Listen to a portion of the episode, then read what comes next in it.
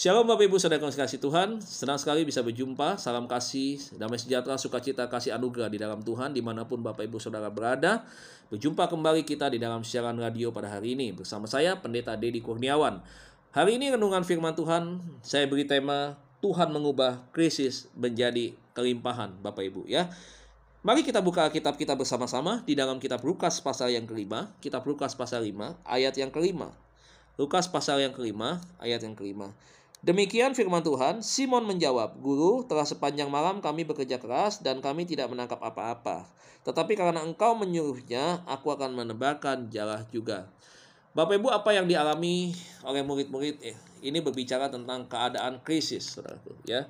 Berbicara tentang keadaan krisis. Namun sebelum kita membahas krisis tersebut, ya, kita bisa membaca kisah ini adalah kisah yang diawali dengan penjelasan yang berbeda dengan pasal-pasal sebelumnya ya dari berbagai uh, penjelasan yang disampaikan Alkitab di pasal 4 dan pasal 5 yaitu di mana tempat Tuhan Yesus mengajar. Kalau sebelumnya Tuhan Yesus mengajar di Bait Allah, tapi kali ini dia mengajar di tepi Danau Genesaret, Bapak Ibu ya. Dia mengajar di tepi Danau Genesaret. Nah, ketika Tuhan Yesus mengajar, kita berkata ya bahwa begitu banyak orang mengurumuni dia hendak apa? Hendak mendengarkan firman Tuhan. Artinya ada banyak orang haus saudaraku untuk mendengar firman Tuhan. Ya.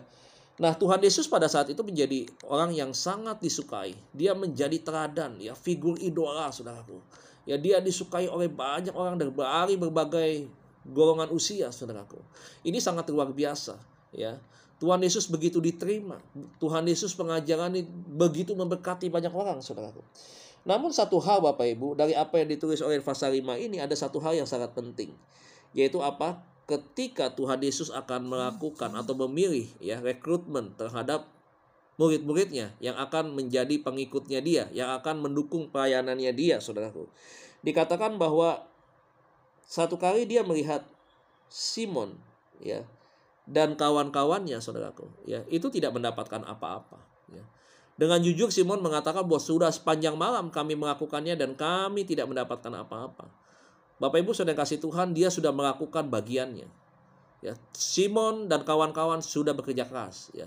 Soal Danau Galilea, dia paling tahu, saudaraku. Dia spot-spot di mana atau titik-titik di mana ikan kumpul itu dia tahu. Ya.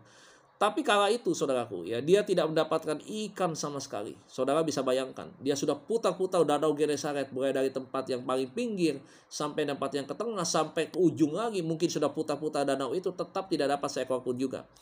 Ya, sudah bekerja keras. Namun satu hal yang harus kita lihat dan kita resapi, kita maknai saudaraku bahwa Simon tidak bersungut-sungut. Simon tidak marah, Simon tidak kecewa. Sekalipun dia sudah bekerja keras, dia tidak dapatkan hasil, dia tetap saudaraku ya. Tidak keluar makian dari mulutnya dia. Tidak keluar kata-kata kecewa dari mulutnya. Dia tetap ya seperti biasa responnya. Nah ini yang membuat Tuhan Yesus itu ya melihat apa yang dialami oleh Simon. Ya kesulitan apa yang dialami oleh Simon Gambarannya artinya begini saudaraku. Sesulit apa pun keadaan kita Bapak Ibu. Tuhan itu tahu Bapak Ibu apa yang kita hadapi. Ya pandemi COVID-19 ini Bapak Ibu ya bukan masa yang enak ya. Banyak orang yang hari ini ya yang usaha mengalami kemerosotan. Bahkan tidak sedikit juga anak-anak Tuhan yang harus kehilangan pekerjaan. Harus bangkrut usahanya saudaraku ya dan tidak sedikit juga anak-anak Tuhan yang kecewa sama Tuhan. Undur diri tidak lagi datang ke gereja tidak lagi mau melayani. Kenapa? Karena keadaan krisis yang mereka alami sehingga mereka mengalami kesusahan. Ya namun apa yang diwujud apa yang diperlihatkan oleh Simon ini memberikan sebuah keteladanan yang luar biasa saudaraku. Ya apa yang dilakukan? Tuhan Yesus tahu Simon mengalami krisis. Dia minta izin naik ke perahu Simon dan Simon izinkan. Untuk apa? Untuk Tuhan Yesus mengajar. Setelah Tuhan Yesus mengajar, kita berkata bahwa Tuhan Yesus mulai bertindak. Dengan cara apa?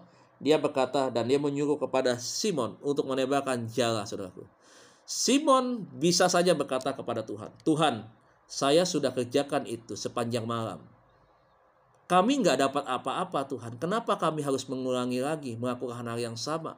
Bukankah di hari di yang pertama kali kami kerjakan kami pun tidak mendapatkan apa-apa? Dia tidak protes sama Tuhan dia taat kepada Tuhan. Kenapa dia bisa taat? dia mengizinkan Tuhan naik ke atas perahu Simon, ke perahu perahunya. Untuk apa? Untuk mendengar, mengizinkan Tuhan terlebih dahulu menyampaikan firman. Saya mau bilang begini Bapak Ibu, kalau kita hari-hari ini menghadapi krisis, sudahkah kita mengizinkan Tuhan masuk di dalam kehidupan kita? Di dalam rumah tangga kita kah? Di dalam bisnis kita kah? Di dalam pelayanan kita kah?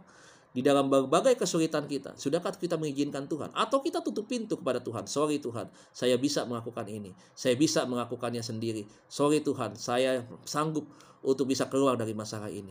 Apakah responnya seperti demikian? Tidak. Kita belajar harusnya memiliki respon seperti Simon. Izinkan Tuhan hadir di dalam permasalahan hidup kita. Dengar firman Tuhan. Setelah kita mendengar firman Tuhan, saya percaya iman timbul dari pendengaran, pendengaran akan firman Tuhan. Muncul iman, dan inilah iman yang muncul dalam diri Petrus. Dia melakukan dengan taat apa yang Tuhan perintahkan. Nah, apa yang terjadi saudaraku? Alkitab mencatat setelah Simon melempar kan jarahnya ke di mana Tuhan menyuruhnya dan tanda-tanda mujizat mulai kelihatan. Dan apa yang terjadi saudaraku? Simon mulai menangkap ikan dan merasakan ada sesuatu yang berat. Ya, ini pertanda bukan ikan kecil, bukan ikan dalam jumlah sedikit, tapi jumlah yang banyak. Saudara bayangkan, sebelum Tuhan Yesus datang, krisis satu ekor ikan pun tidak tertangkap, tidak didapatnya. Satu kilo ikan pun tidak dapat, saudara. Satu kilo kalau misalkan satu ikan itu dijual 20 ribu, ya. Dia satu sudah sepanjang malam bekerja keras, 20 ribu rupiah saja dia tidak dapatkan.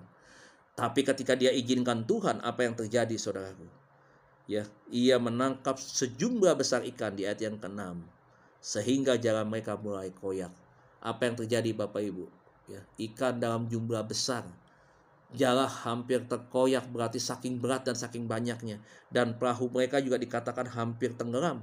Saudara bisa bayangkan di ayat ke-7 begitu luar biasanya saudaraku saya punya tafsiran kita punya tafsiran berbeda ini ikan yang ditangkap oleh Simon itu bukan dalam jumlah berat 1 kilo, 2 kilo, 10 kilo, atau satu kintal, atau 100 kilo. Mungkin bisa tonase.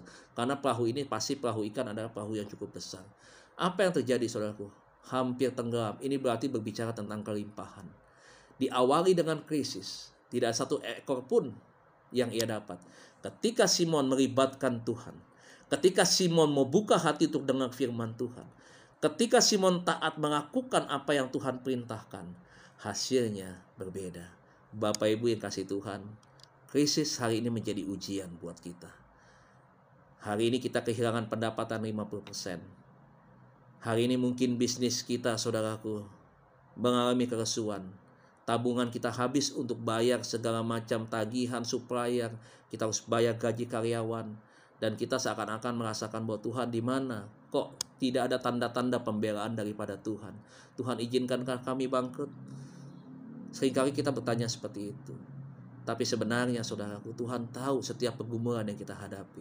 Mari izinkan Tuhan hadir di dalam kehidupan saudara. Mari izinkan Tuhan hadir di dalam segala aspek yang kita kerjakan. Miliki iman yang teguh. Percaya bahwa Tuhan pasti akan menolong dan menyertai kita. Inilah Tuhan. Ya, Inilah sebuah bukti janji Tuhan bahwa mujizat selalu ada bagi kita. Bukan masih ada, tetapi selalu ada bagi kita. Mari kita datang kepada Tuhan. Buka hati, jangan keraskan hati, dan terima Tuhan. Dan saya yakin dan percaya saudaraku, setiap persoalan kita akan mendapatkan jawaban daripada Tuhan. Tetap semangat Bapak Ibu Saudara kasih Tuhan. Andalkan Tuhan di dalam setiap kehidupan kita. Bangga dan berbahagialah kita menjadi anak-anak Tuhan karena ketika kita hari ini ada sebagaimana kita ada, itu semua karena kebaikan dan kasih Tuhan bagi setiap kita. Kiranya Tuhan Yesus memberkati kita semua. Sukses selalu untuk Bapak Ibu Saudara sekalian. Tuhan Yesus memberkati. Amin.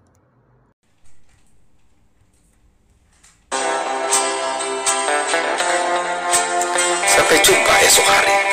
Kiranya damai sejahtera dari Allah Bapa, kecintaan dan kasih karunia Tuhan kita Yesus Kristus, persekutuan serta penghiburan Nero Kudus menyertai kita sekalian mulai hari ini sampai Maranatha Tuhan Yesus datang.